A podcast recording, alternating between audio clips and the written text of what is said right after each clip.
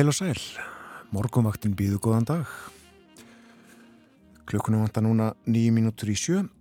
Það er förstu dagur í dag, 20. og 7. janúar og fyrsti dagur þorra, bóndadagurinn er í dag, til hafmyggjum með það. Um svona menn þáttar eins Björn Þór og Eirún við fylgjum ykkur til nýju í dag. Og hugum aðeins að veðrinu, byrjum á því og nefnum fyrst að það snjóaði í það minnst á höfuborgarsvæðinu í nótt. Og uh, fólk sem ætlar snemma út í daginn á bílum hafið það í huga að þarf að móka, skafa, sópa af þeim. Smá snjó. En uh, klukkan 6 var þryggjastega frost í Reykjavík skíjað hægu vindur suðustan 3 metrar.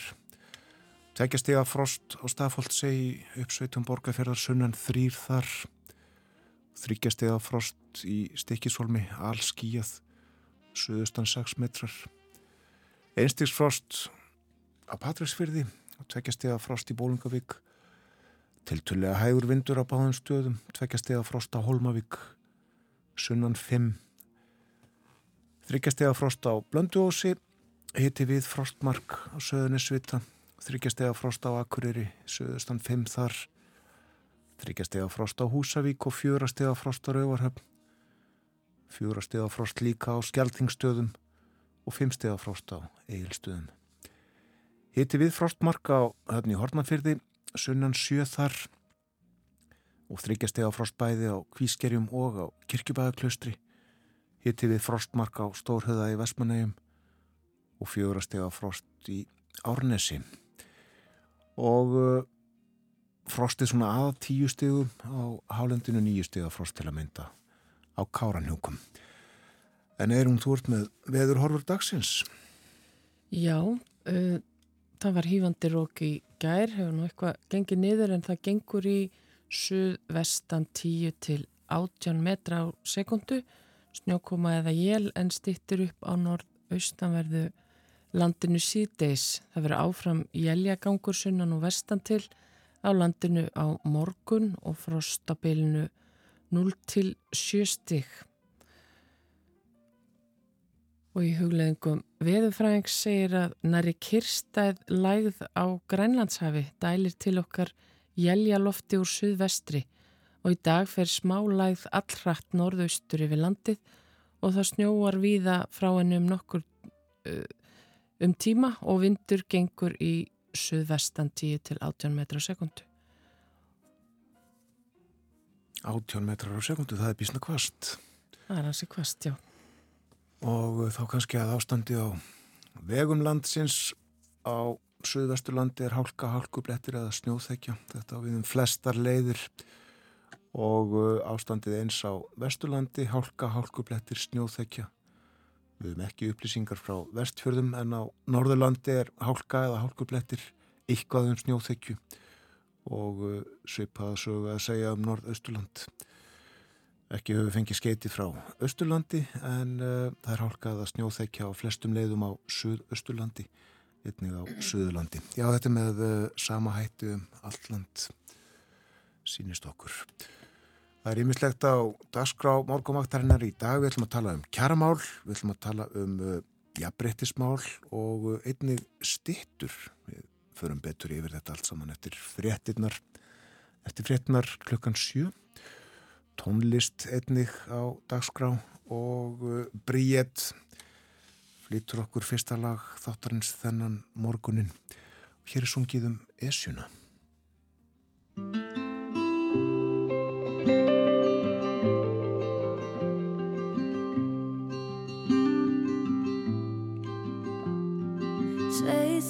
if I did talk?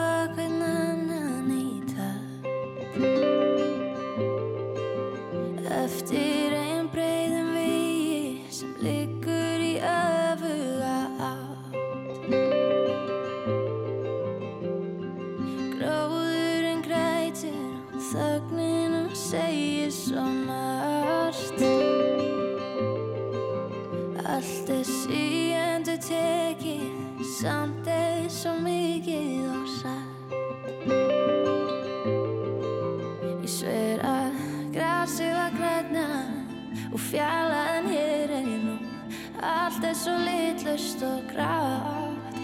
Ég get leið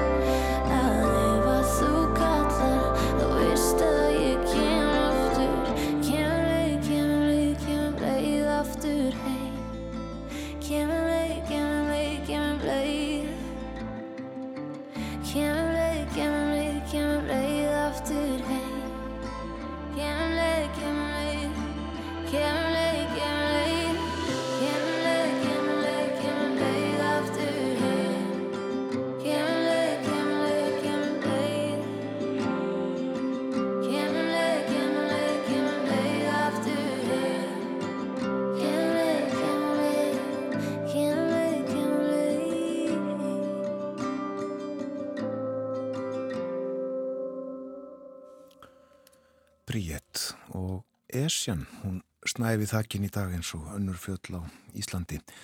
En uh, meðal annara söngvara sem við heyrum í á morgunvaktinni í dag eru Kristjana Stefansdóttir og Viljálmur Viljálmsson.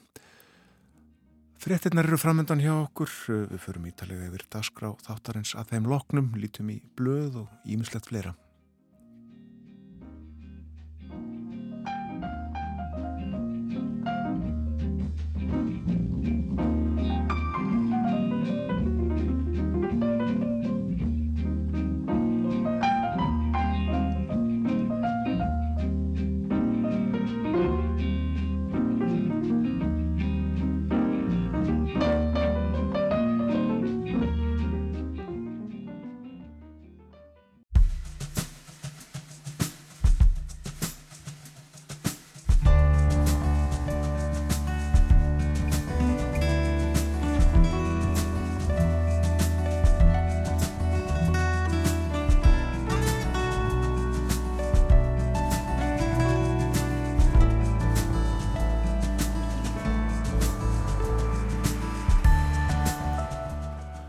Góðan dag, morgunvaktin heilsar fastu daginn 20. og 7. janúar. Umsjónamenn þáttarins í dag eru Eirún Magnúsdóttir og Björn Þór Sigbjörnsson. Kjaramálin verða á dagskrá hjá okkur í dag. Óvisa er um framhald viðræðina, breyðfylkingar, verkefælisfélaga og samtaka atvinnulífsins en gildandi samningar renna út í næstu veiku. Lengra er í að samningar ofinberra starfsmanna renni út en það gerist í lok mars. Hvernig ætli mál standi þar? Þórarinn Eifjörð, formaður Sameikis, verður hjá okkur klukkan halv átta. Bóndadagurinn er í dag og tilvalið að fjalla um jafnbretti kynjana. Það eru enda 130 ár í dag síðan hefð íslenska kvennfélag var stofnað. Það mun vera fyrsta íslenska félagið sem hafði kvennréttindi á stefnusgrásinni. Við rifjum upp upphaf jafnbretti sparáttunar eftir morgunfréttinar klukkan átta. Erla Hulda Haldóstóttir Sakfræðingur kemur til okkar. Stittur eru ekki endilega eilívar þótt búið sé að koma þeim fyrir á stalli. Sér að Fridrik var hifður burt úr miðbænum í vikunni. Anna-Maria Bógadóttir, arkitekt og menningarfræðingur, sest hjá okkur í síðasta hluta þáttarins. Við ætlum að ræða um stittur og þessa tilneið manna til að steipa samferðamenn sína, aðalega kalla, í brons og setja á stall. Sem sagt, ímislegt á dagskráð þáttarins í dag. Já eins og uh, var að var við í fréttonum hér áðan þá uh, erum hún á talsverði snjókomu á eftir. En uh, veður horfurnar hana svona það gengur í suðvestan 10 til 18 metra.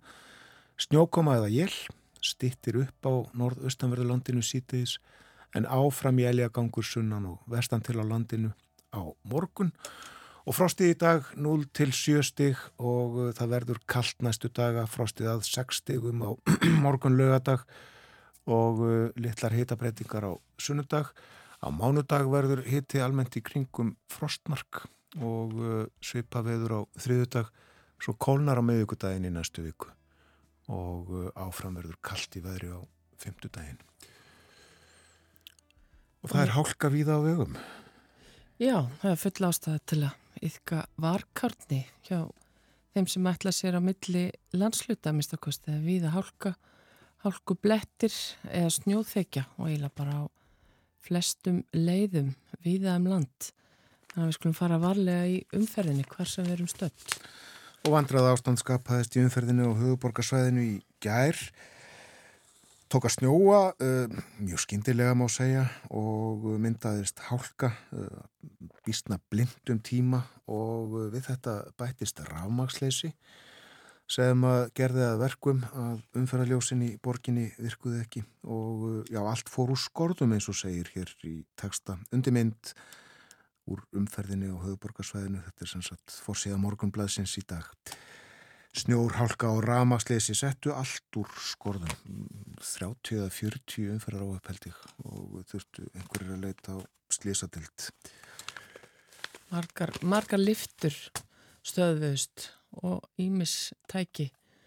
Já og vísir uh, segir einmitt frá uh, Marí Burk Lárustóttur sem að festist í liftu í í ramasleysinu og satt först í um hálf tíma og hún sæði frá þessu á exinu, samfélagsmiðlinu og uh, vísi sló þráðum til hennar og hún segir ég var að koma heim, ég bý á fymtuhæð fór í liftuna úr bílakjallaranum og svo stöðvaðist hún frekar harkalega og ljósi fór. Svo las ég bara á vísi að það væri rammarslust hún létt vita og var þarna já eins og þú saði í um það byrj hálftíma. Og segir svo í samtali við vísi að halda sig við stígan næstunni allavega en uh, fleira fórsíðu morgunblæðsins já uh, það er sagt frá uh, þessari yfirlýsingu eða, eða tilkynningu ákvörðun getur við sagt kvals um skadabætur við heyrðum að þessu í 13. í gerð félagið telur einsýnt að það eigi skadabóta kröfu á hendur í Íslenska ríkinum vegna þess fjártjón sem að félagið var fyrir vegna hins ólöglega bann sem að Svandi Svagastóttir matvalar á þeirra lagði við kvalviðum í sumar. Farið yfir þetta hér á fórsíðinni. En uh, á baksíðu morgunbladsins er uh, rætt við Söndru Ómarsdóttur, hún er bókavörður á bókasafni Skagastrandar, en þannig er að fyrir um ári, þá uh, sagði hún í samtalið við morgunbladið ætla að setja sér að markmiði að lesa 100 bækur uh, það árið uh, 2023 sem sagt. Og uh, hún ætlaði að lesa talsvært fleiri bækur þá heldur hún árið og undan en þá las hún 67 bækur. og uh, þetta tókst og vel það því að uh, hún las 166 bækur á síðasta ári. Lífsöndru hefur lengi að stórum hluta snúist um bækur ja, sem í vinnu og frítíma. Og uh, hún skrásetur alla bækur sem hún les og flokkar þar eftir höfund. Og uh, svo segir hér í fyrra sæði Sandra Fíla Stefán Mána alveg í tællur og uh, aðdáin hefur aukist besta íslenska bók ásins 2023 er Borg hinn að döðu eftir Stefán Mána besta bók ársins hins vegar Kungulóin eftir Lars Kepler og uh, leitin að tilgangi lífsins eftir Viktor E. Frankl kominni mest á óvart. Mér finnst að allir eigi að lesa hana að minnstakosti einu sinni. Og uh, Sandra hefur vist ekki sett sér lestrar markmið á þessu íbyrjiða ári. Hún segir, ég þótti frekar erfið til viðræðu á heimilinu á nýlinu ári og bóndin bað mig að hafa bækurnar aðeins færri á þessu ári. Sandra. 166 bækur á síðast ári. Vel gert. Þrjári viku eitthvað sluðis. Já. Og hún kannski verður við þessari bón, bóndans. Það er við hæfi í dag. Það er bóndadagur. Akkurat. Fyrsti dagur þorra í dag. Og svo er það konudagur. Hann er reyndar ekki fyrir 25. februar og það er á fyrsta degi góðu. Og svo er nýlegri hefð og það er kvára dagurinn 27. mars á fyrsta degi einmánadar sem hefur verið haldin í, í nokkur ár. Já. Já, bóndadagurinn í dag, Þorrin Hafinn og uh, Þorrablót víða framöndan. Uh, það er nú svolítið síðan að fyrstu Þorrablótin voru haldin en uh, við sjáum í austu frétt á vefnum að það eru listuð upp þorrablót framöndan á Östurlandi og þau eru alveg hreint ótrúlega mörg í kvöld þorrablót á bæði reyðafyrði og á eigilstuðum og morgun á eskifyrði, vopnafyrði, seyðisfyrði sveitablót í norrfyrði og einnig þorrablót á borgafyrði eistri og uh, svo framöndan á næstu vikum fellablót, komablót í uh, Nesköpstað þorrablót á djúbavogi, eðablót, blót á fljótstall, þorrablót breyðdælinga, uh, svo þorrablót skriðdælinga og vallamanna, þorrablót í róastungu og uh, annan mass uh, blót, jökuldælinga og hlýðamanna. Og þetta er örgulega raunin um allt land, þorrablót út um allt.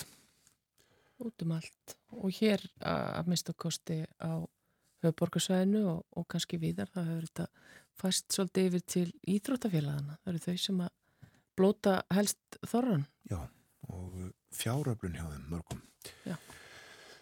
Aðeins úr dýraríkinu en uh, bæriðins besta BB segir frá því að uh, óunumarkar ábendingar hafið undanförnu borist matvælastofnun um dauða auðnutillinga og það hvaðan efa af landinu og það frá fólki sem að fóðrar smáfugla reglulega og matvælarstofnum mun á næstunni reyna að koma staði hvað veldur þessum döða. Öðnutillingur er lítill fingufugl, er staðfugl á Íslandi. Hann er frææta og byggir tilveru sína og byrkifræ, e, leitar sér ætis í trjá og öðrum gróðri. Kjörlendi öðnutillinga er byrkiskóar og kjarr og auk þess ræktað skólendi og gardar og þeir eru algengir á fóðurblettum þar sem fræ eru gefin og eru sólblómafræ eitt besta fóðrið fyrir öðru tillinga. Þeir eru þó ekki eins háðir fóðrun og margir aðrir smáfuglar og flytja sig oft mellir svæða eftir veðri og fæðis frambóði. En uh, ábendingarna sem að borist hafa matalastofnun þær snúa oftast að einstaka eða fáum fuglum sem sína veikinda enginni og drepast að þér virðist á tveimur til þremur dögum ógulegt. Við uh, hlustum á tónlist, uh, hér er uh, hljómsveit Ingimas Eidal og Vilhjálmur Vilhjálmsson syngur. Aha, ó nei, bara þann hangið þú Aha, ó nei, bara þann hangið þú baraðan hangið þurr Því flekkurinn minn er alveg marflatur. Og ég er mjög illa stattur nefn hangið þurr opp og litlum kvammi er opp og litlum bær Þar opp og litlum bóndi býr með opp og litlum rær Með opp og litlum hrífu í opp og litlum flekk Í opp og þið hann flýtti sér til rykning yfir hér.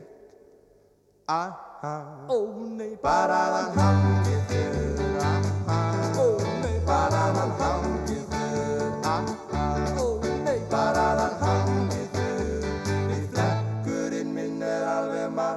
marflatur Og ég er mjög illa stattur nefn hann hangið þurr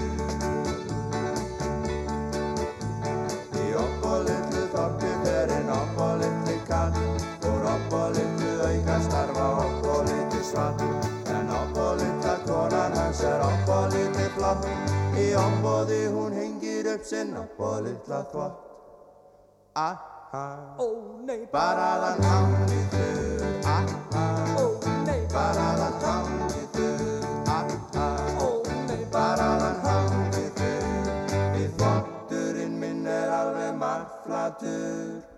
Og ég er mjög stöld nefn hangið þurr En opp og litla konan veit að opp og lítið kaur Er opp og lítið svirði eftir opp og lítið staur því hún býður þessa opp og litlu ból Aha, Ó nei, baraðan hangið þurr Aha, ó nei, baraðan hangið þurr Aha, ó nei baraðan hangið þurr Í kollinum er hann svolítið klikkaður. Og hann mun kaupinu nefn hann hangið þurr Hann mun kaupinu dýna, hann mun vitinu dýna Hann mun nærunni dýna, hann mun konunni dýna nefn hann hangið Bara þann hangið þurr, Erlend lag Ómar Ragnarsson gerði þennan íslenska texta og uh, flytjendur hljómsveitingi maður Seital, Vilhjálmur Vilhjálmsson söng. Sögum stutlega frá Þorrablótum á Östurlandi áðan, Fellablótið, það uh, verður haldið annan februar en uh, ég er með hér uh, stutta frásögn að Fellablótinu árið 1922 frá því var sagt í Östurlandi blaðið sem að gefið var út á þeim tíma. Á bóndadaginn var haldið þorrablót í fellunum að ekkjufelli eins og venja hefur verið á setni árum og var þar fjölmenni mjög og vísvegar að ofan úr fljótstall, utan úr tungu og eigðaþinká og austan af öllum. Ræður fluttu Gísli Helgason bóndi í skóargerði, sér að Þórarinn Þórarinsson, Valþjófstað, Kanþeól Árni Sigursson, Páll Hermansson bóndi Vívilstöðum, Ólafur Læknir Lárusson Brekku og Runolfur Bóndi Bjarnason Hafrafelli. Gísli Helgason setti blótið og myndist nokkrum orðum á blótvislur til forna. Sér að Þórarinn beindi orðum sínum til ungminnafélagsmanna. Myndi þá á að grunduöllurinn sem þeir byggðu á væri Kristur. Að eitt aðal atriði á stefnusgráð þeirra væri hröst sál í hröstum líkama og að andlegt ljós væri engu síður nöðsynlegt mönnum en hið líkamlega var góður rómur gerður að ræðu hans. Gantþjól Árni Sigursson lagði út af gamlu þjóðsugunni um velvakandi og bræður hans hvaðan Jón Sigursson fósetta hafa verið velberg klifandi þessarar þjóðar og ættu sem flestir að þeta í fótspór hans en það væri innra með hverju manni rödd er kallaði Hærra, hærra. Páll Hermansson talaði um orðheldni og drengskap, nefndi hann nokkuð dæmi úr fortsögum vorum, sagðist honum skörulega. Ólafur Lækni Lárusson myndist fellamanna með lofi og sveitar þeirra og Runolfi Bjarnason kvatti til að draga landið okkar sunnar í ýmsum skilningi. Samkoman fór vel fram, þóttu nokkuð verið þröngt, stóð yfir fram á bjartandag, skemmtu menn sér með söng og dansi og virtust allir vel ánæðir. Já, sagt frá Þorrablótinu, Fellablóti 1922. Og ég er hérna líka með örstutta frásögn af uh, Þorrablóti á uh, Akureyri 1924 úr verkamannum. Þorrablót hafði stúdendafélagið á bóndadaginn, var þar etið af góðri list en ekki drukkið. Skemmtu menn sér hitt besta, þó Bakkus sæti ekki í hásætinu eins og sjálfsagt þótti á hverju Þorrablóti hér á árunum áður. Auðsýnileg framför í siðmenningu sagði í verkamannu.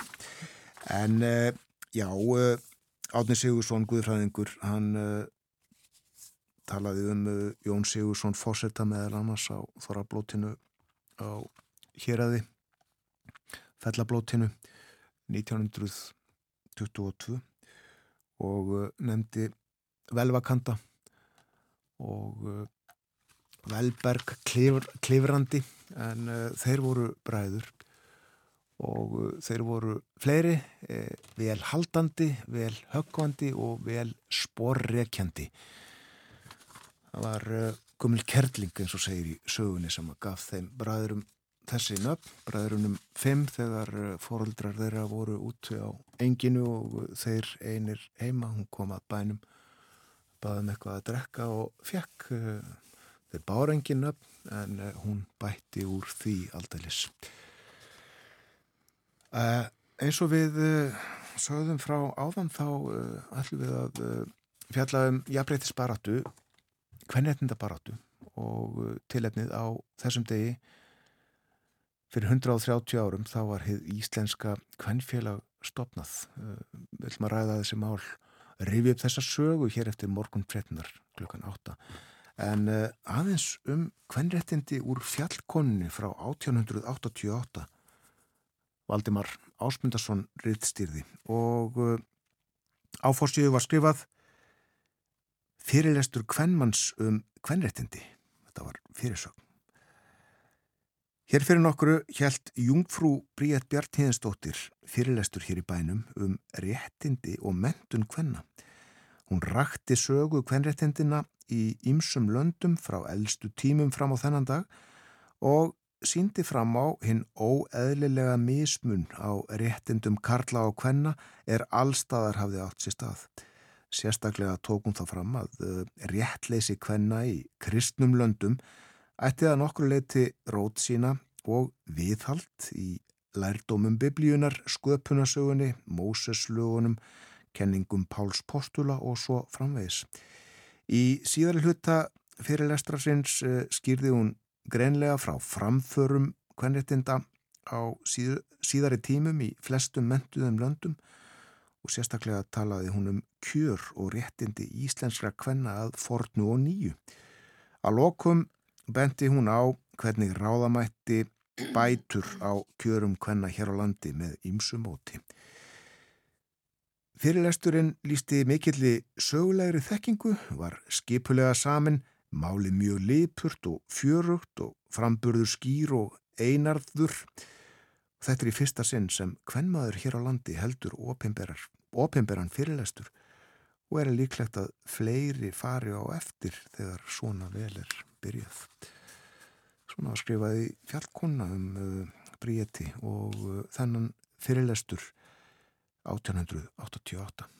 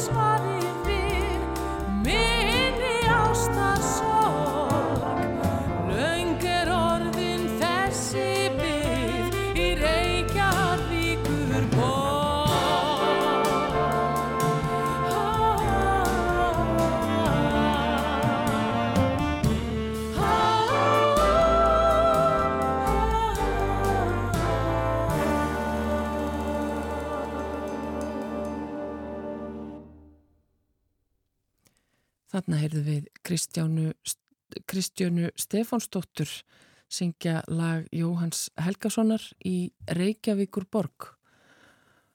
Og í Reykjavíkur borg er reyndar nýr borgarstjóri en það fækkaði í vikunni um eina stittu í borginni og við ætlum að ræða um stittur hér á eftir í þettunum.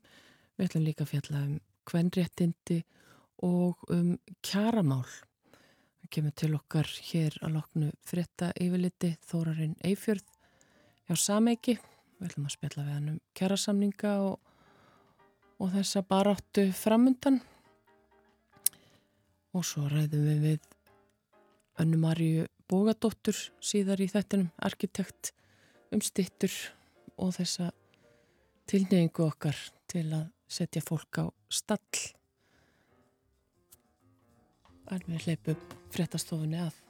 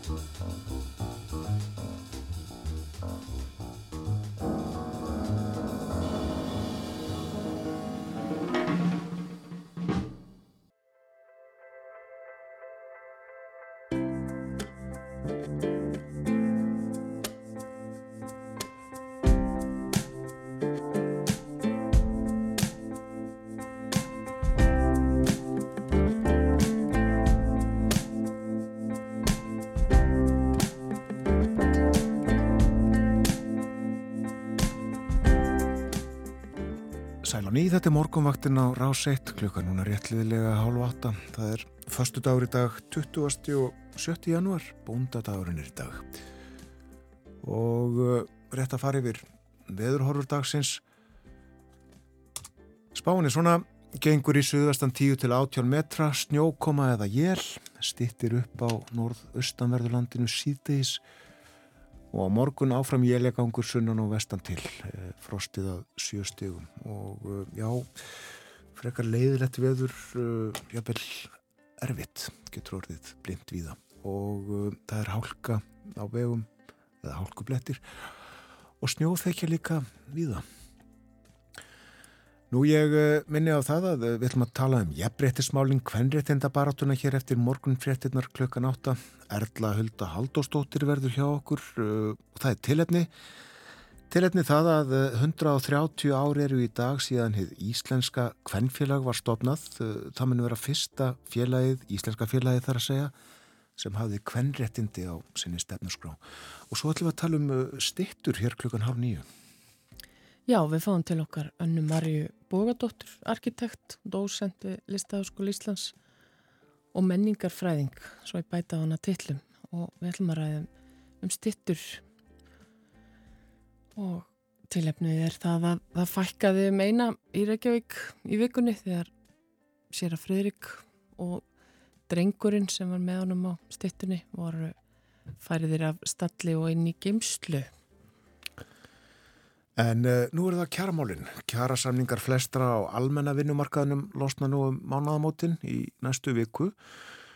Viðræður um nýja samninga hófust í nóvember. Um tíma var bísnagóður tótni samningafólki en það breytist uh, fyrst vegna ágreinings um launahækkanir og svo vegna yfirlýsinga ráðamanna um svigrum hins ofinbera til aðkomu að samningunum. Það er þrengst vegna fyrir sjáanlega útgjata vegna grindavíkur og þetta verist komið í hnút. En samningar flestara á opimberamarkaðnum renna út í lok mars. hvað ætli sé að frétta úr þeirri átt hjá okkur er Þorrin Eifjörð formaður Sameikis, velkomin til okkar á morgumaktina. Gæra, þakkir. Já, við tölum um uh, stöðuna hjá ykkur uh, hér á eftir en, en uh, byrjum á almennamarkaðnum. Þú fylgist með viðræðunum sem nú standa ekki satt. E, jú, það er að segja kannski ekki mikið meira heldur en að bara því leiti sem að um fjallaður málið í fréttum. Og hérna þetta er svona búin að vera svolítið svolítið svona hólóttur vegur sem að sem að þess að viðraði sínismanni hafa verið, verið að ferðast eftir. E, og það sínu leiti var kannski já, kannski, já, líklega væri allt til að segja að þetta væri svolítið vombriði að svona stóru markmiðin hefði ekki náðst á betra svona plattform En uh, stóð aldrei til eða, eða var ekkert rætt um að uh, það eru allir saman í þessu? Þið með, sem sé. E, þú segir við með þá vantanlega þetta þá að vísa í svona ofinbæra geran, ekki svo ég viti, ég held að hafi aldrei verið aldrei verið sko rætt neitt saman á milli aðela svona þvert á vinnumarkaðin en þetta byrjaði hjá þeim þegar þetta byrjaði þá voru þetta eh, sko mjög bara efnismiklar og góðar yfirlýsingar og aðalega þá um samstarf og samtal. En, en mann fann svona kannski vanta eða maður langaði til að heyra hvað væri svona dýbra í samtalenu, hvaða efnis innihald væri í því. Og það kom svo, aldrei, svo sem aldrei fram þannig að maður gæti ekkit metið hversu hérna hversu rúmulega samstígaðu voru það vantaði svona að sjá aðeins inn í baksamtalið. En hefur þú kosið að, að vera með þeim eða þau með ykkur eða hvernig sem voruð það? Já, ég held að það sé bara mjög jákvægt að ef að vinnumarkarinn allur, launþegar og, og launagreðendur og ríkið og setjafélun og allir þeir sem að að lokum koma að samkommulagi um launasetningu á markaði ég held að sé ég sko mjög jákvægt er að stilla saman allar þessar strengi og við gætum horti lengri tíma en þá þarf svo miklu miklu meira að koma til heldur en bara yfirlýsingar þetta er flóki mál að ná saman svona hvað segja, mörgum aðilum ólíkum að mörguleiti og ég tel alveg nöðsynlegt að ef við, eða okkur tækist að fara í svona mjög breyðri samstöðu fram þá þarf að vera líka þar efnisætrið inn í sem að breyta svolítið samfélagsgerinni og býr til meiri þjóðar sátt. Mm. Og í hvert að vísa þar? Ég er aðeins að vísa ég bara í samfélagsgerinni hjá okkur og við séð sko mínu viti á okkurna gliðnun á undarförnum árum. Við búum um margt við mjög góða eða gott ástand. Að hluta til í jafnbrettismálum þegar við erum borin saman við aðra þjóðir, þá margt séu ógert þar. E, náttúrulega lífsgæðin sem að almennt hafa þróast mjög vel síðustu hundra árun eða svo. En það sem hérna svolítið erum að horfa á að það eru ákveðinir kemar samfélagsins sem er að taka fram úr öllum öðrum og þetta vitum við bara. Það er auðsöfnun bæði hérlendis og á heimsvísu. Er orðin mjög skökk í öllu samfélagslegu tilliti. Stjórnmál og baróta fyrir almanahag er ekkit annað heldur en baróta um hvernig að deila gæðunum. Og einn sameiglegu gæði sem við eigum hér á Íslandi að mínu viti er þeim ekki jamt drift að vantar tölvört á. Og hvert er þá svona hlutverk stjættafélag í þessu landslægi sem þú lýsir? Jú, ég held að hlutur stjættafélag sé hverju sinnarinn að benda á hvað við getum gert betur, svona almennt séð Um, það er á vettvangi pólitíkurina, stjórnmálana mm. sem við náttúrulega höfum aðgangað til að kjósa okkur uh, fórustu fólk til að vinna okkar hagsmannamálum þó svo að, að all oft þá finnst manni þegar að, að kostningum lókum þá er ekki verið að gera það sem við var rætt og, og, og ekki verið að framkvæða það sem var lofað en það er sáheimur hjá stjættafélagunum þá erum við auðvitað að reyna að halda auðvitað um okkar félagsfólk, okkar samningssvæði ekki bara einangrað, heldur líka saman og reyna að sjá til þess að, að svona þróunin í lífsgæðum, lífskjörum e, sé hagfælt almenningi þannig að fólk geti á sig svona, já til dæmis bara fjárhagslegt skjól og þurfi ekki að búa við um, sko óásættanlegt örgisleysi í bara framfæslu, eða sinni framfæslu barnana sinna á fjölskyldu og hafi réttar aðstæði líka til þess að, að sinna þeim hluturkum vel. Það er að segja fjölskyldunni, framfæslan á að vera örug hún á að vera eftir svona hvað að segja við getum talað til þess um það að það er rauninni mjög alvarlegt mál að við skulum vera með stórun hluta þjóðarinnar í í hérna kostnaði við húsnæði sem er nær upp fyrir þetta viðmunamark 25% á ráðstöfnatekjum. Það er eigum við til bara að setja mörkin. Við erum að finna leiðir til þess að, að hérna, húsnæðiskostnaðurinn verði aldrei meira íþingjandi en það. Og eru til leiði til þess? Já, leiðirnar eru náttúrulega til. Það er skattlagning, það eru lánakjör, um, það er ekki, peningar eru bara til ráðstöfunar til þess að búa til meiri lífsgæði. Hagkerfið náttúrulega þarf að fungera með sköpun verðmæta og allt það. En við höfum búið til kerfi til að hjálpa fólki að komast upp þessa brekku, sérstaklega ungu efnilitlu fólki sem er að stofna fjölskyldu og kaupa, kaupa sitt fyrsta húsnæði og svo framvegð sem er stærsti fjárfesting æfinar. Þá getum við búið til lánakjör, við getum búið til hjálparkerfi, við getum búið til vakstabætur, einhvers konar framlag og við höfum stígið einhver skref, þau eru bara ekki næg. Hlutildarlán til dæmis, sem eru ágætis hugmynd en þetta bara að vera miklu sterkar útfærið. Það er sko, við erum ekki búin að fá bestu hugmyndin en þá. Hún er, getur komið á morgun eða daginn þar átti, já næsta ári, eða eftir áratöð. Þetta er bara spurningum hugmynda auðki, hvernig við treystum okkur til þess að fara fram til þess að bara búa til betra samfélag. Það er uh, auðvitað sérstakt ástand núna uh, óvinnlegt, uh, þar að segja uh, verðbólgan er mikil, mikil verðbólga hérna og uh, hún uh, byrtist fólki ekki síst í uh, snarhækkuðum áborgunum af, af uh, fastegnum. Er margt fólk uh, í þínu félagi sameki í bara stórkostlegum vandraði vegna þessa? Sko við höfum ekki gert nákvæma mælingar á því. En svona aldurspönnin svona, já, hjá okkar félagsfólki, hún er mjög breið. Við erum með stóran hópa af ungu fólki sem, að, sem er engum og sérlega að koma inn á vinnumarkan hérna á höfuborgarsæðinu og við vitum það að þetta fólk er markvært að, svona, að leggja grunnina sinni fjölskyldu og sinni vegferð og við vitum það öll að lánin hafa tekið stökkbreytingum og eru að taka stökkbreytingum. Og þetta getur til og með bara verið sérstöku ákvörðunum hvernig við mætum sko þessu vandamáli. Við höfum algjörlega mistum algjörlega stjórn á húsnæðismarkaðanum og að þessar aðgerri sem voru gerðið COVID-sumar hjálpuðu mjög vel til við það. Því miður, það var ekki nógu fyrir sjámanleiki og ekki nógu það var ekki nógu svona, fólk fór ekki fram með nægilega mikill fórsjá og gætni og svo þekkjum við söguna af þessum 14 eða 15 skiptum í röð í stýrivaksta hækkununum Við þekkjum það að bankaskatturum var gefin eftir að hafa búið til fullt af peningum 2019-20 sem bara flættiði markaðin og fólk náttúrulega tók að áeggjan ímissa ráðamanna. Nú væri nú er komið allt annað lánaform og nú er auðvelt eignast húsnæði og það bara kviknaði í öllu svona nokkur neginn. Og við erum auðvitað súpa að segja það því út um allt í samfélaginu. Ekki bara hjá ungu fólki, heldur líka bara fólki sem er á svona á um það byrjaða rúmlega miðjum aldri mm. og er ennþá með bara skuldahalan og eins og við vitum það eru nú ekki nema svona um það byrjað 13 ár eða svo, síðan að sögumir mistu allt sitt og það, það sá hópur er náttúrulega hann er ekkert hann er ekkert komin í höfnað þá Hvernig eh, tökum við á þessu í, í þessum kjærasamningum sem að framöndan eru?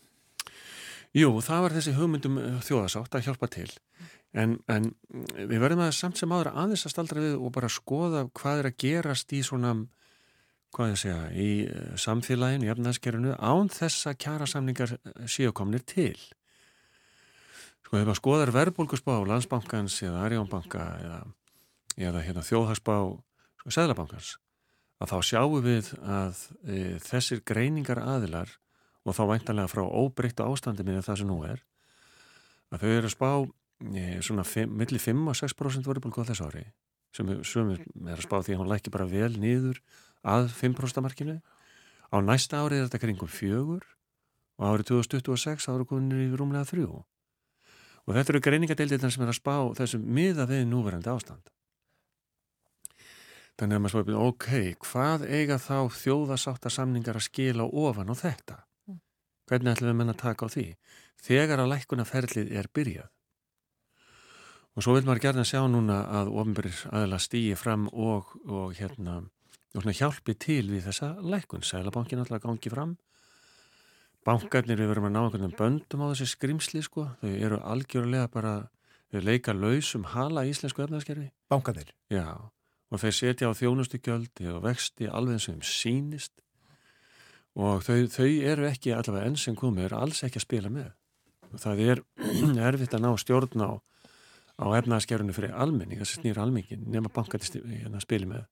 Og það er einhvern veginn eitthvað sem við verðum að tryggja að þau geri með einhverju ráðum. Og vonandi þá bara stíga þeir skrefið og, og hérna, taka til sín sína ábyrð En hvað með svona kröfugerðina frá ykkar hálfu? Hverjar eru helstu kröfunar? Já, nú hérna eh, gerist þetta eh, ofta á, segja, að að minnst okkur tveimur borðum eða á svona eftir tveimur brautum. Um, Samiki það sem ég kem að eh, er náttúrulega hluti af BSRB og BSRB no, nokkuð mörg félög sem að, sem að gera samninga við ríki, Reykjavík og Borg og Sveitafélagin. Við gerum hins vegar einni samninga við SA, að það er svona lítið hluti, við sjáum til hvort við komum nokkuð inn á það en, en þeir eru það líka. Um, það er uh, yfirleitt að þá er BSB sem að tekur segja, sameilegar kröfur og vinnur að þeim og svona stærri kröfur sem að er, er klárlega sameilegt öllum félagunum og öll, öllu félagsfólki og þar geta komið inn uh, vextir og verbulga og stýrvasta hækkarinnar og, og mörg önnur mikilvæg mál eins og bara endurmat á verði kvennastarfa. Brúin svo kallaða sem við höfum talað um það er að segja eh, frá, frá því að lokum fæðingarólofs til leikskóla sem er svolítið vandamál á íslenskum markaði eins og við vitum. Og ívinslega sem snýra þessum sameilu stóru málum.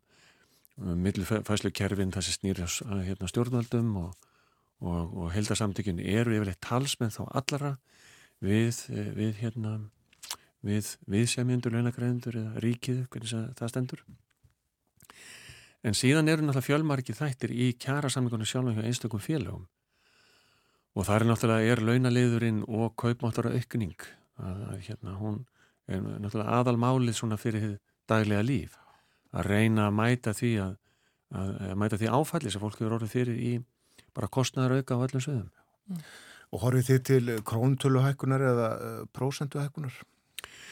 Um, hjá okkur, í, eins og ég sagði á hann, þessari breiðu spönn sem að félagsmenn okkar erum og að félagsfólk, að þá er uh, blönduleið er miklu betri hugmynd heldur en bara króndalækun.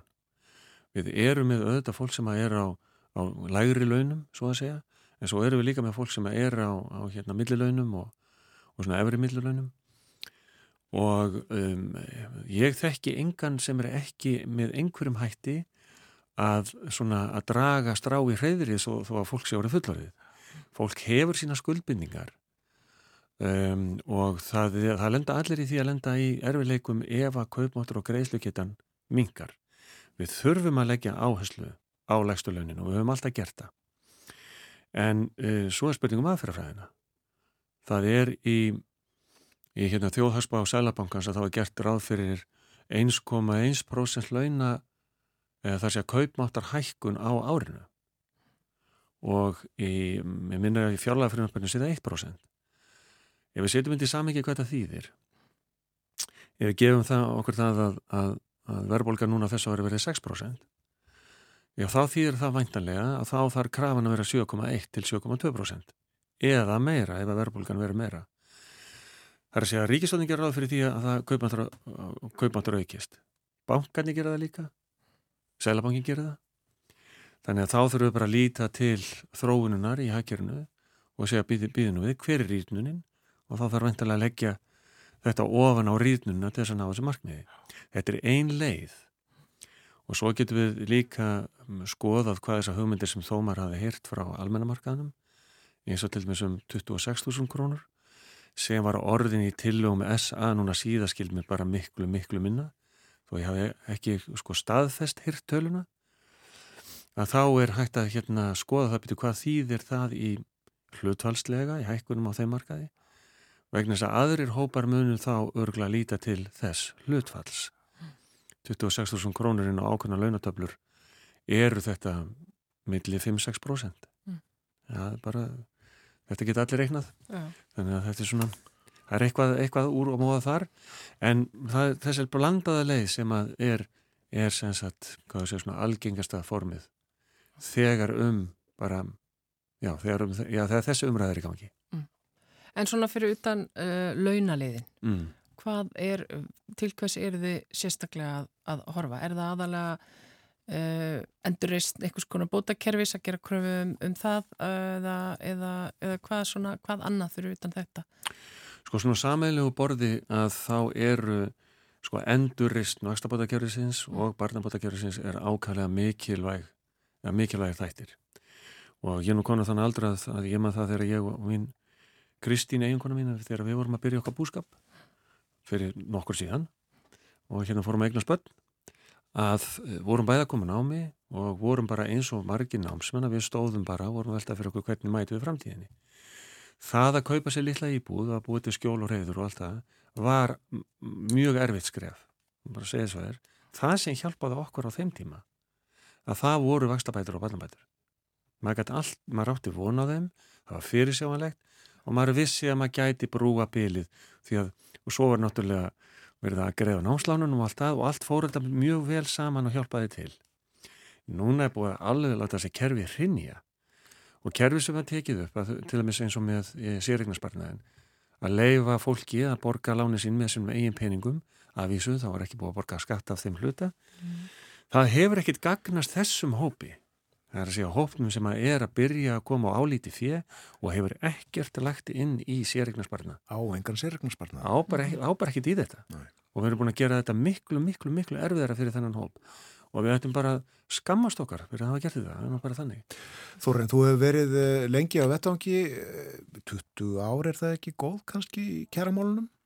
um, sko, ég kom mjög nálægt eða kom nálægt svona ímsu starfi því ég verið meðferðastörum hérna í halda var að halda námskeið og ímislegt og var fengið á sínum tíma til að til að hérna að byggja upp fræðslu sittir í starfsment og svona námsumhverfi innan BSB félagana en svo byrjaði ég sagt, í kjarabartunni sjálfur í það hefur verið 2006 Já. Já. Það er nokkuð langt síðan uh, 2006 var uh, svona svona Spurningin er þessi, er þetta flóknara og erfiðara núna heldur en lengi?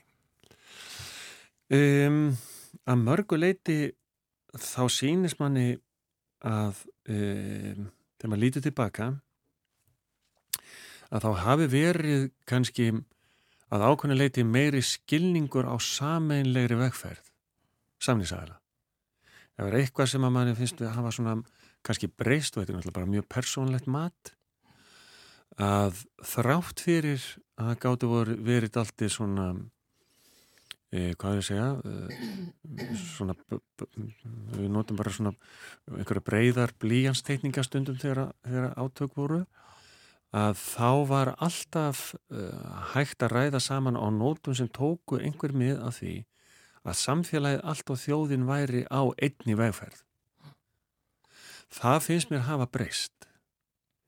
Þetta með um, svona einhvers konar polariseringu og uh, þetta með nei, við ætlum ekki að gera vegna að við ætlum bara að vera svona og við ætlum bara að vera hins einn. Það kom svolítið hérna, stert í ljósfæðsmér í verkvælsátökunum sem við vorum í sveitafélagunum síðastlegu vor. Þar sem var mjög uh, snúið að um, koma einhvern veginn samíðanlega skilningi með málefnalegum rökum. Þess að kjærasamlingar þeir byggja líka á málefnalegum rökum. Að það var komið að fólk var bara fast í einhverju fari og ætlaði sér ekkit út úr þeim og síðan fyrir við í verkvöld og það tekst að ná markmiðum. Og ég held að sem félagslegi kostnæður hafi verið til dæmis alltaf mikill þar með semst millisamlingsæðila sem var aldrei. Mjög sérstaklega hvernig þeir, þeir, það verkvöld endaði endaði þannig að, að hérna, við stóðum svona sátt okkar meginn frá borði. En um, það hefði mátt, mátt vera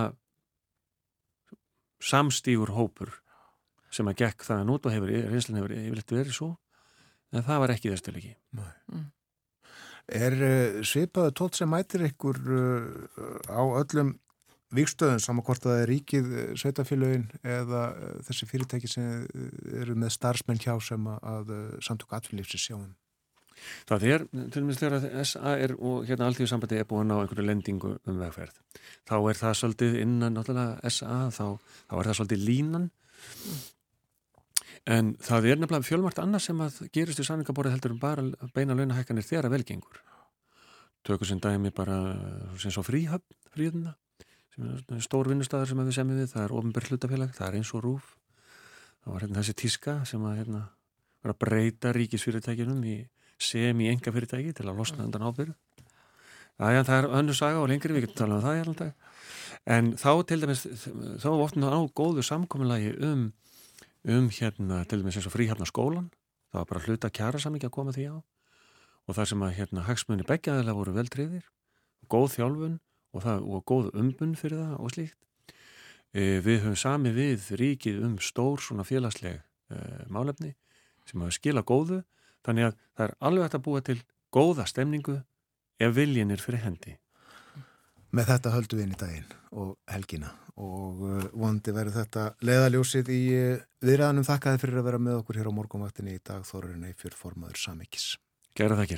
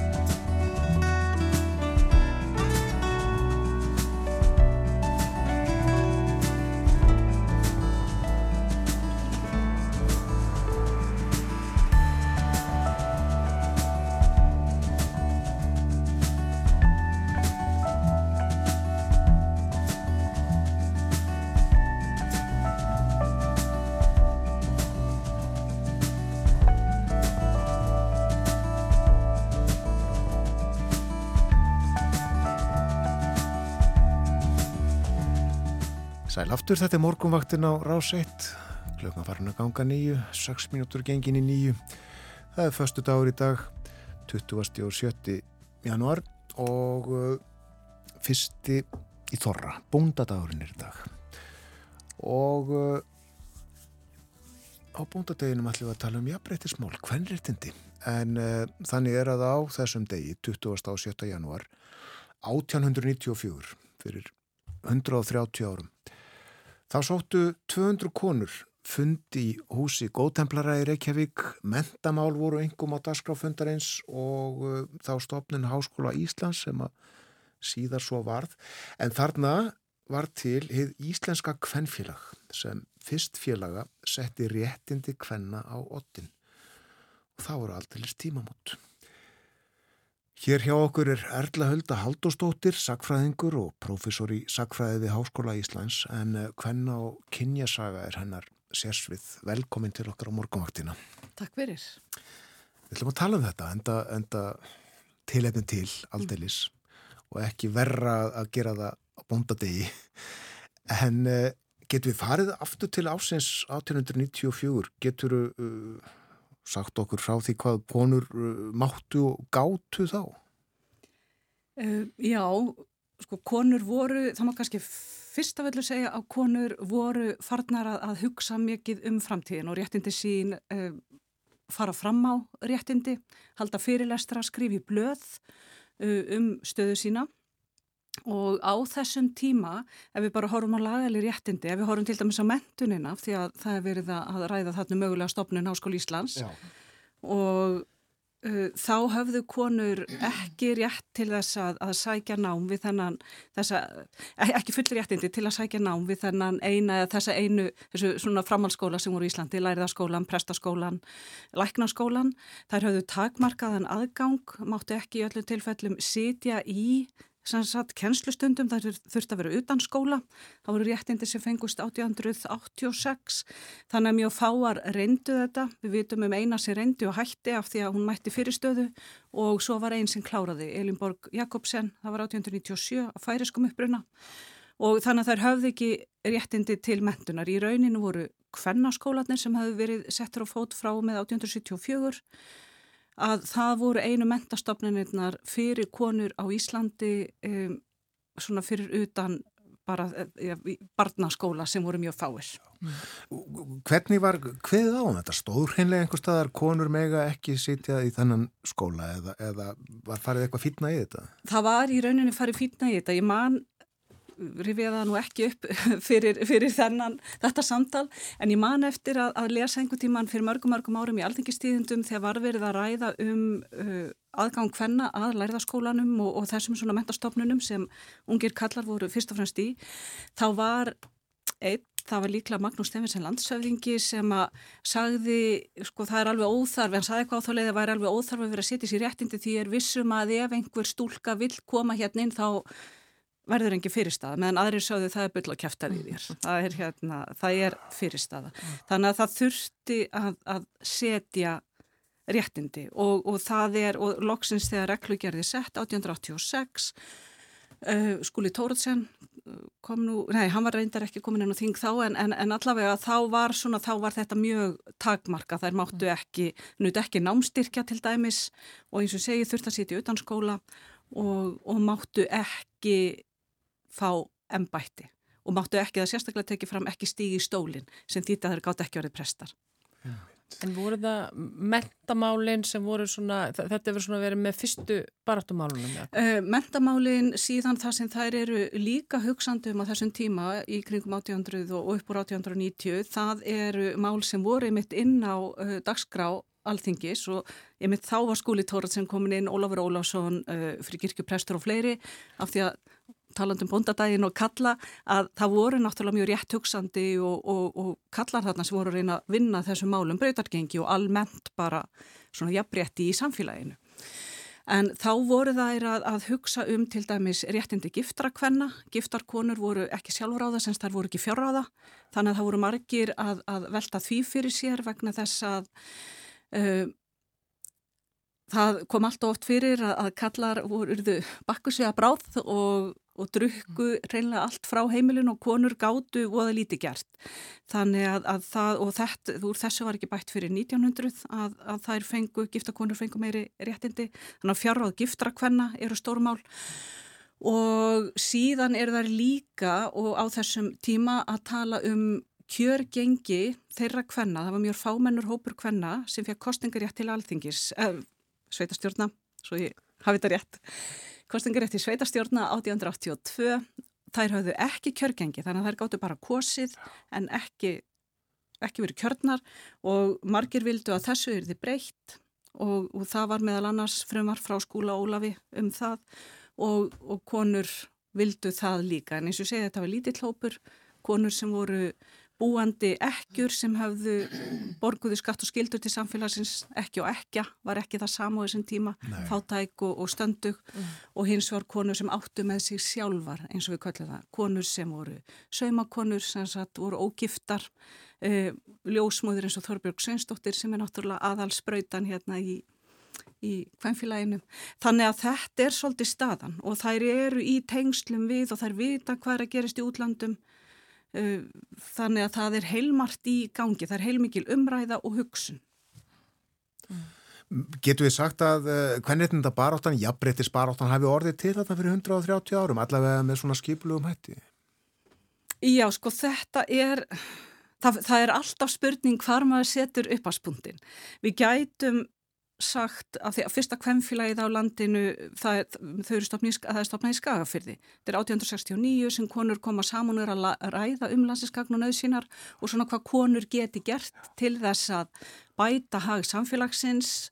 Það er vinna að hagsmunum hvenna en er ekki beilins með hverjættindi á, á dagskráni við gætum talað um stopnun kvennaskólans í Reykjavík 1874 fyrir lestra og ímislegt sem var að gerast en hér eru kvenréttindi beinlínis sett í, í lög félagsins og þannig að ég myndi segja að þetta er svona kannski allavega mjög mikilvægur formlegur viðburður þar sem það er bæði er að krefjast réttinda og síðan það sem ég finnst líka mjög merkilegt og, og hef haldið fram að þetta er það með ég líta á stopnum kvennfélagsins í tvennunskilningi.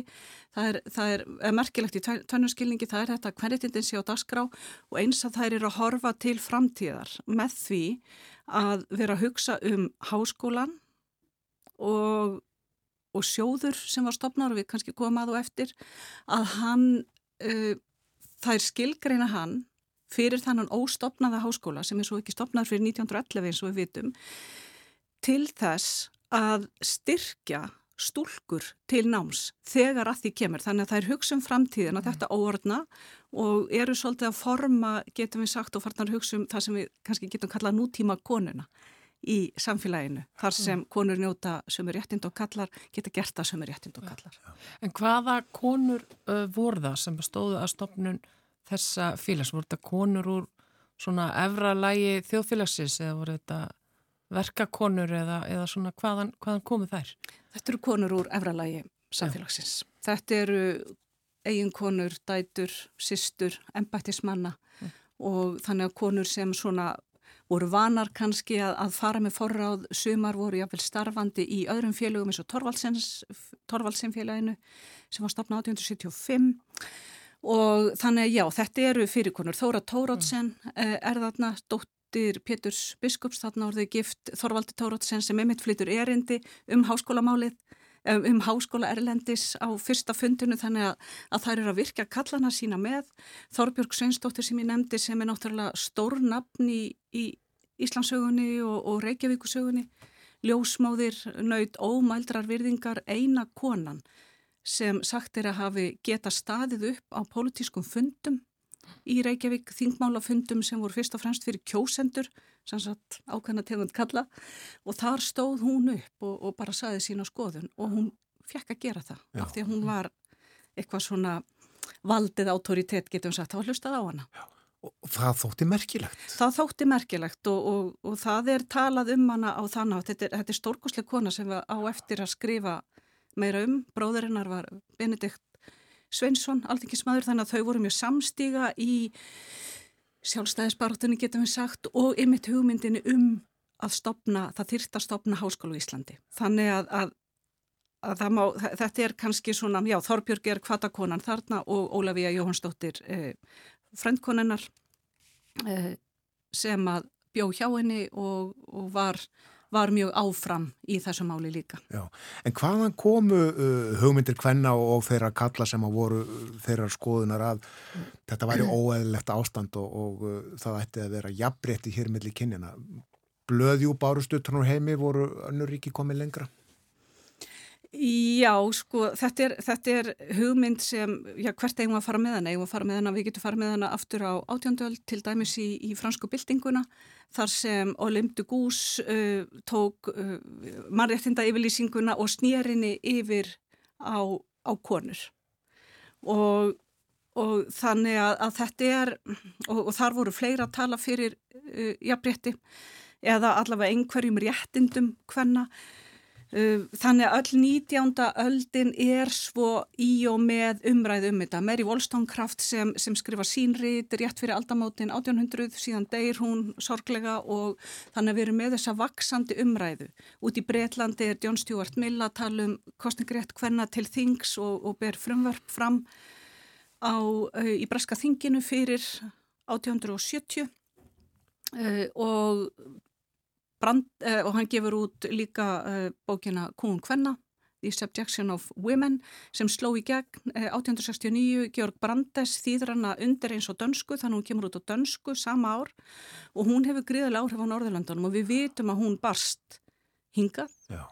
og síðan er það mitt kvemmfélagið sem var, var ungu maður norður í landi, student sem, a, sem að hafði þýtt hana og dó svo snemma en árið 1900 þá gefur í Íslandska kvemmfélag Kúum Kvenna út. Þú ert með hana? Ég er með hana, hérna eintækið mitt. En það er fórið því miður Theodora Tóratsen skrifar í svona stutt ágripa sögu félagsins 1920 og eitthvað að þá segir hún að kvemmfélagið hafi farið mjög illa fjáraslega á þessar útgáfi þannig að hún er sennilega selstilla. Hvernig hefst Kúum Kvenna? Hvernig hefst hún, já.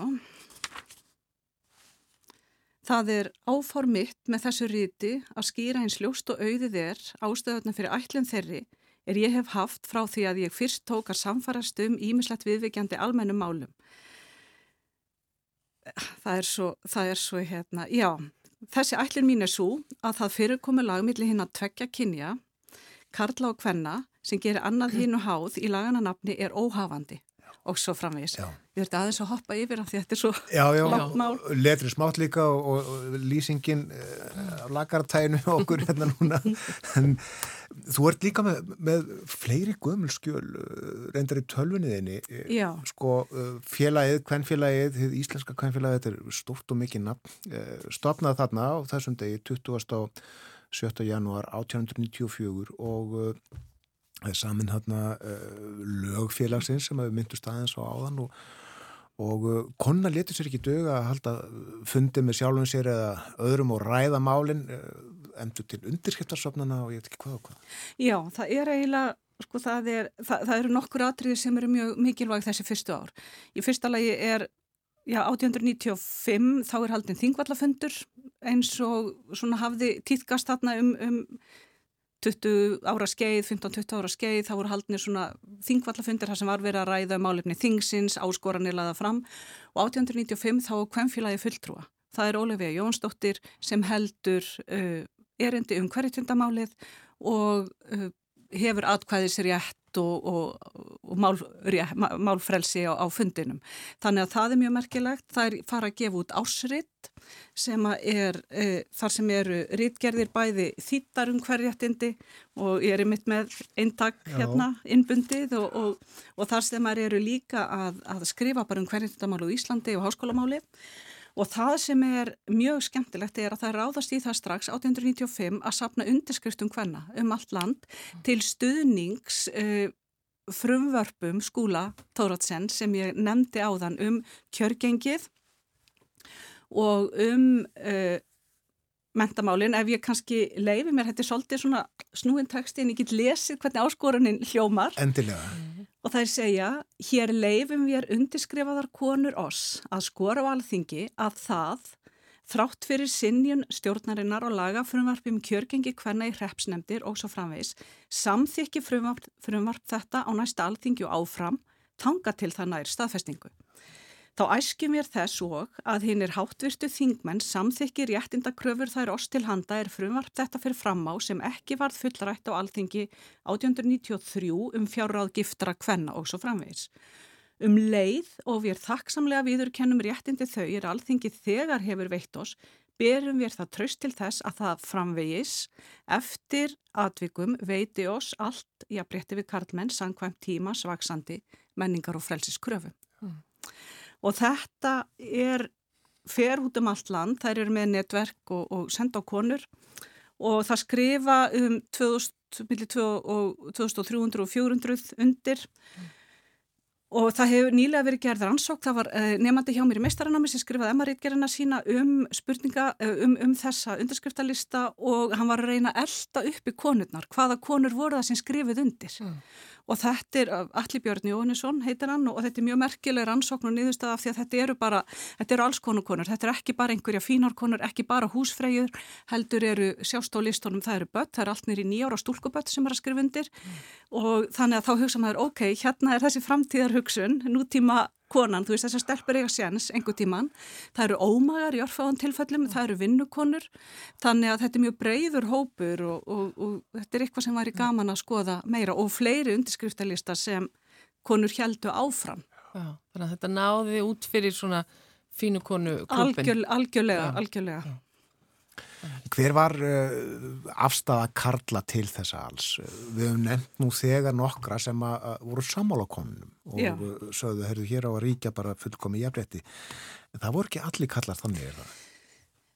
Nei, eh, ef ég reyna einfald þetta þá voru, já, það, það voru, var alveg hópur af köllun sem voru fylgjandi hverjættindum og allavega upp að svona ákveðnu marki og sumir trúðu því að það væri rétt og skynsalegt og ymmit bara í anda nýra tíma að veita konum þessi réttindi, minnstakosti konum úr svona efristjáttunum og, og síðan væru kannski bara undantekningar sem myndu nota þessi réttindi. Svo voru aðrir sem voru á móti og bæði fyrir aldamóti 1900 og eftir þeir voru hrættir um að ef að konur færi að fara ómikið inn í pólitíkin, það var sérstaklega pólitíkin, mm. repsnemdir og, og ymmitinn í alþingi og svona og þá færi myndi samfélagi snúast og kvolf hver á, það, það, og þetta er ekki bara íslensku rótti, hann er út um allan heim eins og sérst á skopmyndum og, og öðru sem voru tíðar í, í Breitlandi þar sem kallin er komin í hvern hlutverk mm. það verður viðsnúningur hlutverka hver á að sinna heimilinu ef að konan er að vasast uh, einhver staðar í politík eða, eða slíku og þessi ótti hann heldur áfram áfram og, og ég svona þegar maður horfir á fyrstu áratíu 20. aldar að þá er hann mjög ríkur ennþá og við höfum svona séð það og, og í bók sem og skrifum um það í bók sem kom út fyrir nokkur árum, konu sem kjósa svona saga hvenna á, á 20. öld uh, kjálfar kostningaréttar að, að þá er, já verður þessi ótti mjög áberandi og í rauninni er og, og þetta Aldurstakmark sem var sett á kostningarétt hvenna til altingis 1915-40 ár, það er til að mæta þessum óta af því að þeir sáu að konur gáttu haft, áhrif þegar þeir settu saman hvernalista 1908 í bæjastjórn Reykjavíkur. Þá voru þess að það er misnáta kostningarétt. Hugsaðu ykkur. Á ég að sjá á um börnin þú elda, svo þú kallar þig. Nei, Já. það gengur, það gengur ekki. Komist ekki lengra. Uh, Gaman að fá því og, og uh, spjallum þetta á þessum tímamótum. Erla Hulda Haldóstóttir, sakfræðingur. Takk.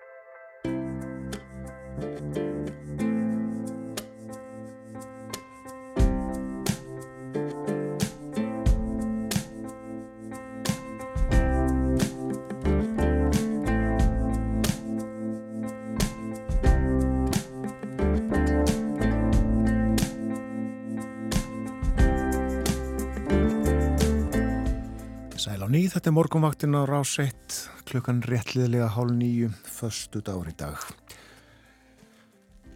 Veðurhorfurnar gengur í suðvestan 10 til 18 metra á sekundu, snjókoma eða jél en stittir upp á norð-austanverðurlandinu síteis og uh, frostiða sjöstegum á landinu í dag. Á morgun lögadag verður suðvestan 10 til 18 en 15 til 20 metrar við suðuströndina þetta á við fyrirpart morgundagsins en uh, víða jél þurft að kalla um landi norðaustamert og uh, frost á morgun að 6 stegum. Það dregur úr vindi sítegis á morgun. Og á sunnudag uh, verður suðvestlæg eða breytileg átt 5-13 og snjókoma eða jél hiti breytist lítið. Mánudagur þá verður hiti í kringum frostmark og uh, á þriðjudag uh, þá uh, verður vægt frost. Og miðugudaginn kólandi viður og fymtudag kallt í veðri. Veður horfur næstu daga. Nú við réttum um jafnbrettismálinn hér áðan hvernréttinda baróttuna Erla Hölda Haldóstóttir Sakfræðingur var hjá okkur. Í daguröliðin 130 ár síðan að uh, stopna var félag, heið Íslenska kvennfélag og uh, það er fyrsta félagið sem að setti réttindi kvenna á ottin þetta voru mikil tímamót. Fyrir morgun var hjá okkur formaður Samiki stjættafélagsins og við rættum um uh, kæramálinn, kæra viðræðunar ástandið í samfélaginu. Samningarnir á Almennamarkanu renn út um mánuðamótin í næstu viku en uh, samningar flestra og ofnbæra starfsmanna í logmars og við fórum yfir þetta vitt og breytt með þórarni. Nú, uh, hér á eftir ætlum við að tala um uh, stittur. það vítt og breytt tilefnið að stittan af Sera Friðriki var í vikunni hýfð upp á vörubílspall og henni var ekið í geimslu. Já, stittur eftir smástund uh, Anna-Maria Bóadóttir sem er dósend í arkitektúr við Listaháskóla Íslands og menningafræðingur verður með okkur eftir smástund en uh, hlustum fyrst á eitt lag.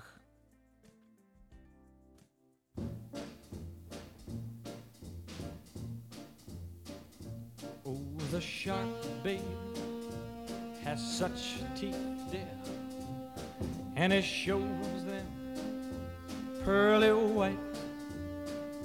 Just a jackknife has old Maggie Heath, babe, and it keeps it uh, out of sight. You know when that shark bites with his teeth, babe scarlet billows start to spread. Fancy gloves, though, wears old Maggie Heath, babe. So there's never, never a trace of red. Now on the sidewalk, uh-huh, ooh, Sunday morning, uh-huh, lies a body just oozing life and someone sneaking round the corner. Could that someone be Mac the knife? Uh, There's a tugboat down by the river, don't you know? Where a cement bag just drooping on down. Oh, that cement is just, it's there for the weight to dare. Five will get you ten old Mackies back in town. Not you hear about Louis Miller? He disappeared, babe, after drawing out all his hard-earned cash. And now Maggie Heath spins just like a sailor. Could it be our boy's done something rash?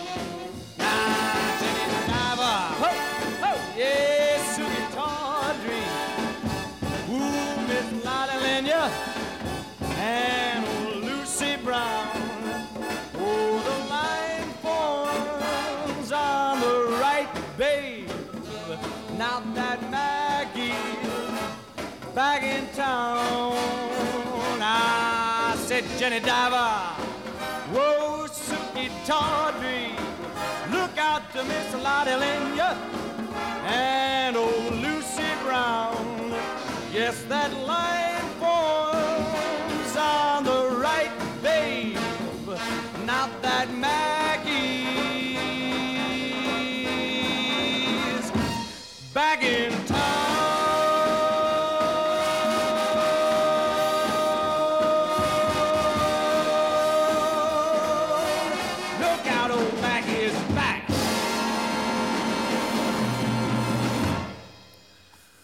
the Knife úr túskildingsóperunni kom út 1928 en þetta síðra tíma útsetning og útgáa hljóðrita 1958 Bobby Darensöng.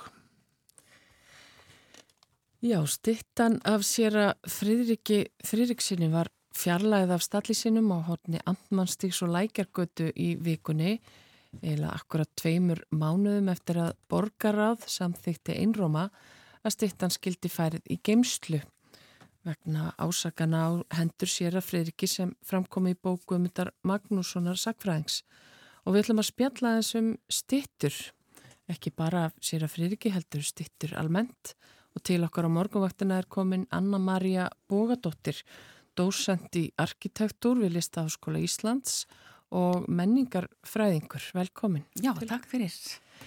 Um, stittur, ef við svona aðeins byrjum bara á þessu fyrirbæri. Við reysum mannesku stittu eða steipum einhvern karakter í, í, í brons og setjum á stall. Hvaðan svona er þetta komið, þessi hugmynd?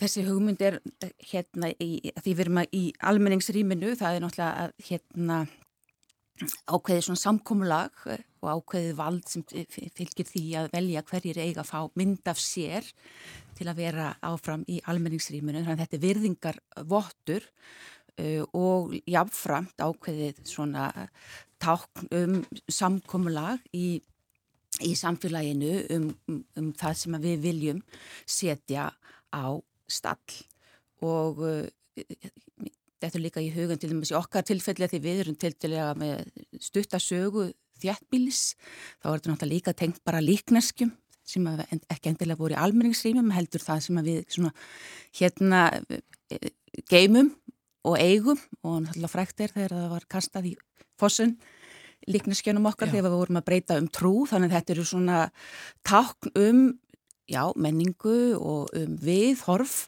og almenningsrýmið er þessi vettvangur samfélagsins fyrir viðhorfsmótun og þess vegna er þessi reyfingar eh, á stittum í áhugaverðar því það er bera merkjum það að það er að gerast einhver reyfing í samfélaginu mm. og við erum kannski ekki svona, hérna dagstaglega mjög upptekin af stittunum í kringum okkur, við tökum alla eftir þeim þótt að það sé mikið að frábærum stittum í hérna borgarumhverfunu en um leið og þá að fara að reyfa til stitturnar, hvort sem að það er að færa þar úr einum stað í annan setja upp nýja stittur eða í þessu tilfelli taka niður stittur, þá vöknum við til vitundar að því að þarna er eitthvað stert tákn, tákn myndum eitthvað sem við eigum sammeilegt og þá samfara reyfingunni er að verða einhver breyting mm.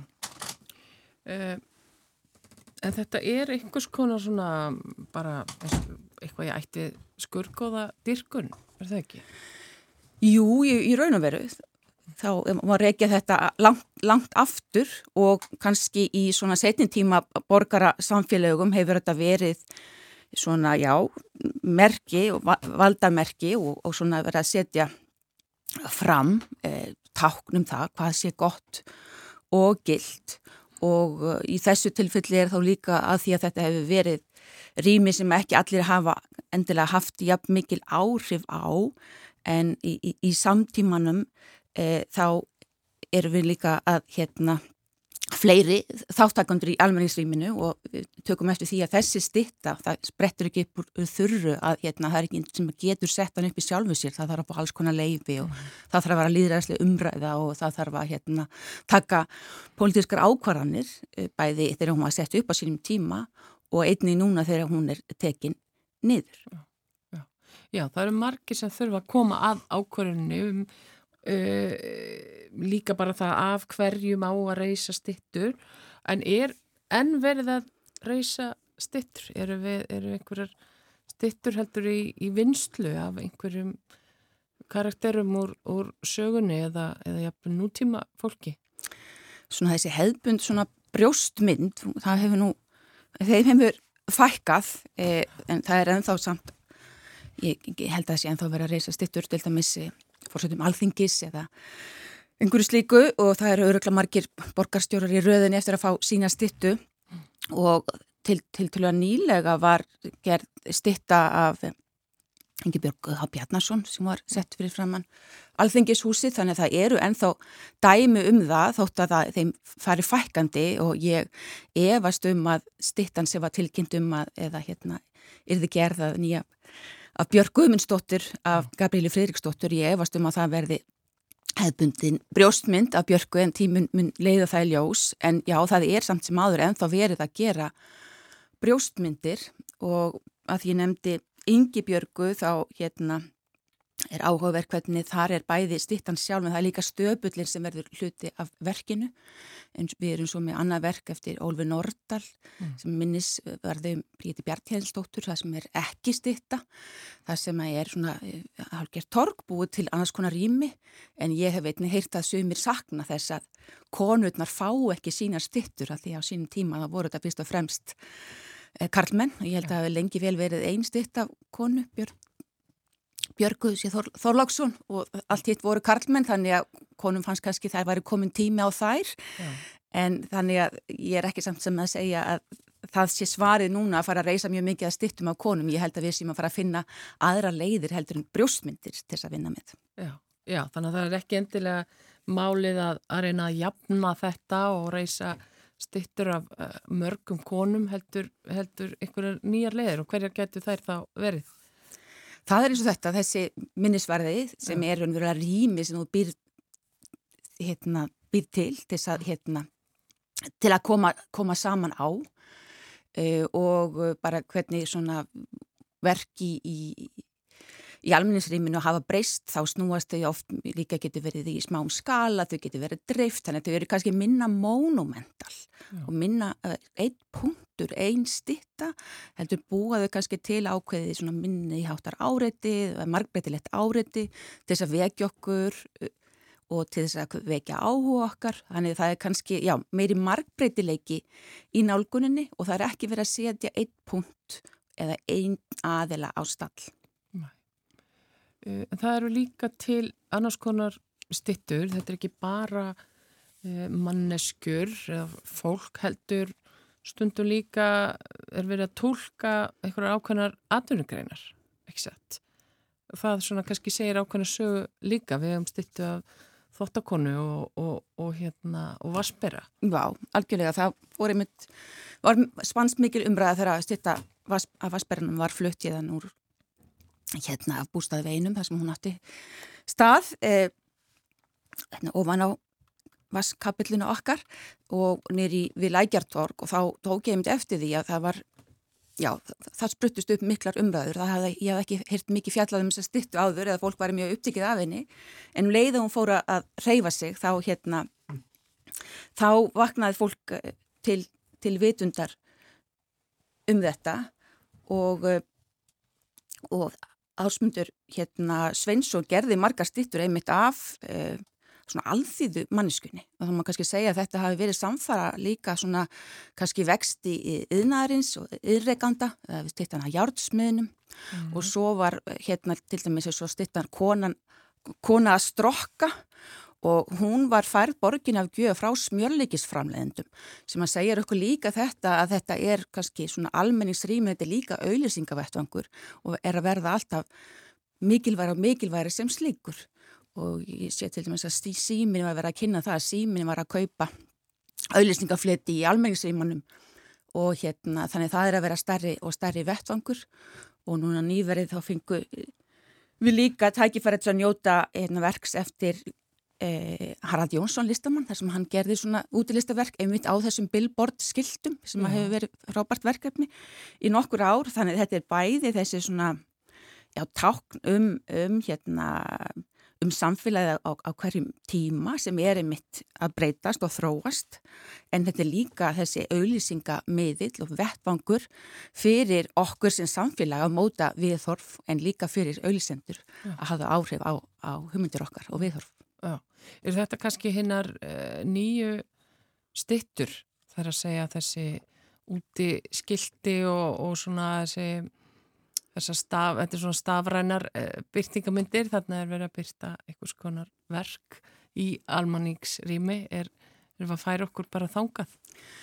Já, það er náttúrulega bara samfara því að samfélagið eh, hefur breyst bara með þessari taknu öld og hinn stafræna bylting er hefur haft mikil áhrif þannig að almenningsrými eins og að byrtist okkur í dag er allt annað heldur en það var árið 1950 eða þess vegna 1980 þannig að það fer mjög mikið fram í stamrænum miðlum bæði hérna bara eh, innan og utan almenningsrýmisins. Og ég held að þetta verði ekkit eina byrtingamyndin að hafa svona tvíviða skjái með lifandi myndum á, ég held að við erum alltaf eftir að vinna áfram með líka verk, hvort sem það eru stittur eða annars konar útilegsta verk áfram. Já. En mm, aðeins með þetta, þessa stittu af Sýra Frýrki, uh, var þetta, þetta var þetta mikið rætt bara í, í þjófélaginu á sín tíma, þérna í nómber, þegar þessar, þessi bók, hans komndar Magnússonar Sakfræðings kom út og auðvitað ímsar uh, uh, skoðanir á þessu og sem ég segja líka, heyrðu við um ekkert að vera að að fela þetta við ákvaðum að reysa, reysa þessa stittu og þá verður bara horfst í augu við það. Er það eh, kannski einhver, raug líka að, að við hefum ekki endilega að fela þetta heldur að segja, heyrðu þetta er hérna partur af sögunni og verður bara takst á við það og getum þá gert það meira með því að horfa á þessa stittu í staðan fyrir að taka það nýður? Ég held að sé svolítið munur á því að, því að þetta er einmitt í þessu almannarími og svona tákmynd um eitthvað sem við höfum valið sem var gott uh, og sínum tíma þá var náttúrulega sapnað fyrir þessari styttu uh, og fengi leifið til þess að sína tákmynd um þennan góða svon Íslands og ég held að síni svolítið mátt líka bókarana sem hluta af þessu svona viðhórsmótandi afli sem að hleypir á stað þessari, þessari umræðu og það er engin að tala um að hérna verkið verði, sko, það er ekki verið að henda verkinu eða, eða hérna eiðilegja það. Nei. Það er raunverulega bara verið að færa það úr stað af því að samfélagi hefur fært, fært sig. Þannig það er ekki verið að hérna, skemma verkið og það er líka, þetta er, og þetta er líka bara mjög gott verk eftir myndtökverðan Sigurðan Ólafsson. Þannig að það er ekki verið raunverulega að draga úr gildi þess í sjálfu sér heldur er verið að taka það niður til þess að hérna, endurspegla þær breytingar sem hafa átt sér stað og líka nýjar upplýsingar og ný viðmið. Þannig að ég tel þetta sé bara styrkur að samfélagi geti tekið hratt og öruglega á svona málum og það fari í þessa líðræðislega umræðu og svo er tekin ákvörun og, og, og kemur niðurstöða. Og ég held líka að, við, að samfélagið og rýmin okkar þau er alltaf að reyfast. Þótt að stittan virðis kannski vera eitthvað að við segjum að steipa það fast í mót og þetta er líka bara í, í tungutakinu og eitthvað er steift hvort sem það er í eiri eða brons eða kopar og svo er þessi steiftu stöpplar en enga síður er samfélagi á reyfingu og við þurfum svo líka að færi á að vinna með sársöka og vinna með skömm, taka umræðuna og gera nöðsynlega breytingar.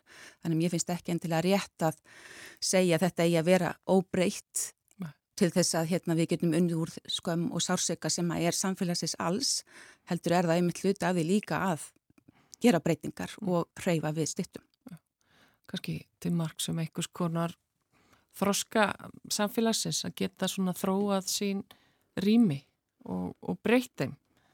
Já, ég held að það sé bara mjög mikið þroskamerki og við ættum að vera fjalla um líka þetta mikilvægsta rými sem við eigum saman sem er almenningsrýmið sem að hérna, við þurfum að geta tekist á um og ég er ekki að segja að þetta sé gott mál að þurfa að taka stittuna niður að stallinum en það eru líka við sjáum bara söpn heimsins þau eru takast á við það að endurskoða sögu 2000-aldarinnar að búið að skrásetja alls konar verki í sapneignur um allan heim og núna er verið að endurskoða og verið að velta vöngum við því hvernig hérna, skráum við hérna, verk úr söpnum þegar við erum búin að komast að því að þessi verk raunverulega eiga ekki lengur að vera hluti af þessari sapning. Þannig þetta er hluti af þessari heldar endurskoðun sem að samfélagi er að takast á við raunverulega á öllum tímum ja. og sérstaklega á tímum eins og í dag. Ja. Og, og þetta væntalega er þá að gerast hér líka, þess að að ekki bara í almenningsrýminu heldur að söfn er að takast á við eitthvað, eitthvað svipað? Algjörlega og þetta er líka þetta með þennan sko menningar arfið, menningar sögun, nú er þessi styrta búin að vera hvað sínin 60 ár hérna, meðal vor og raun og vera lifir e, þann sem styrtan, styrtan er af og fekk þannig lengri tíma meðal lifenda heldur en flestar mannskur sem hefur bara kvart, kvart. En, hérna, en það er síðan þessi endurskoðun sem er að eiga sér stað og líka oft eru þessar brjóstmyndir svona taknum það sem var en ég tel að, svo eins og spurður áðan um hvað gætu orðið, ég held að við getum líka hort í rýmin sem þau taknir önverulega svona leiðavísra því hvað við viljum verða. Mm. Þau getur verið takmyndir um það sem koma skal, hjálpa okkur aðgera breytingar um leið og þau halda áfram að vera þessi svona, já, verkværi okkur til þess að fara yfir, fara yfir þið og líka fara yfir þessar erfiðu sáru sögu sem við eigum saman. Já. Þú hefur fjallað um uh, uh, þetta ímislegt sem uh, arkitekt en þú hefur um, sérstaklega uh, ég er að grýpa neyður í hérna viðtal sem að byrtist við þig fyrir tveimur árum og þar sem þú ert að tala um það er kannski svona einhverja hliðstæður í þessu varandi stitturnar að þú ert að tala um byggingar að það er að segja að við gerum ósláð mikið úr því þegar við reysum byggingar en síðan eiginlega ekki neitt þegar þar eru jafnar við jörðu til dæmis eða þeim breytt eða, eða annað þá neginn, viljum við ekkert, ekkert ræða það mikið er, er ykkur að hliðstæður þarna? Ég held að sé ákveðin hliðstæður sérstaklega með byggingar sem eru svona tákgrænar og eru ákveðin svona symbóli á, þá getur það verið sannlega hliðstæður við, við stittur og því það eru raunverulega tákn samfélagsins um það sem að já, við teljum gott og, og rétt á, á, hver, á hverjum tíma.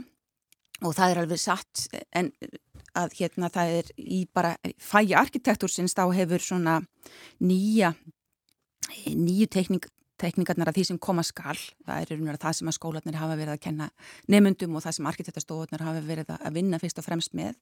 Og við höfum í síðustu öll lítið verið hugað að því mm. þegar að hérna já, byggingar eru, verið að rífa byggingar og, og urða þær en það er, er að breytast mm.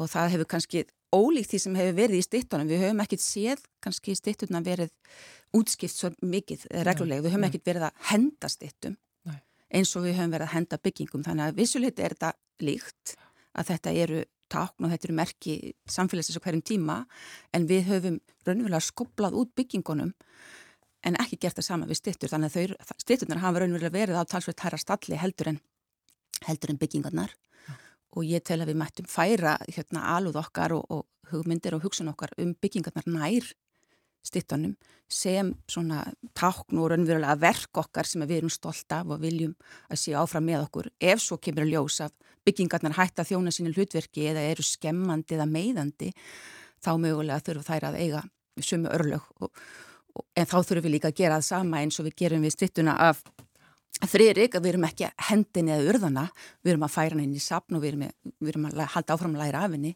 þess vegna getum við þýttum að gera það saman við byggingar að nota það þá áfram þótt að það er að fá í nýtt hlutverk. Já. Takk hérlega fyrir komuna Anna-Maria Bóadóttir. Kæra þakkir. Og svona líku morgunvaktinni í dag, Björn Þór og Eirún hafa settið þess síðan snemma í morgun við þökkum samfélgina þennan förstu daginn þátturum verður á sínum stað eftir helgi njótiði dagsins og verði sæl.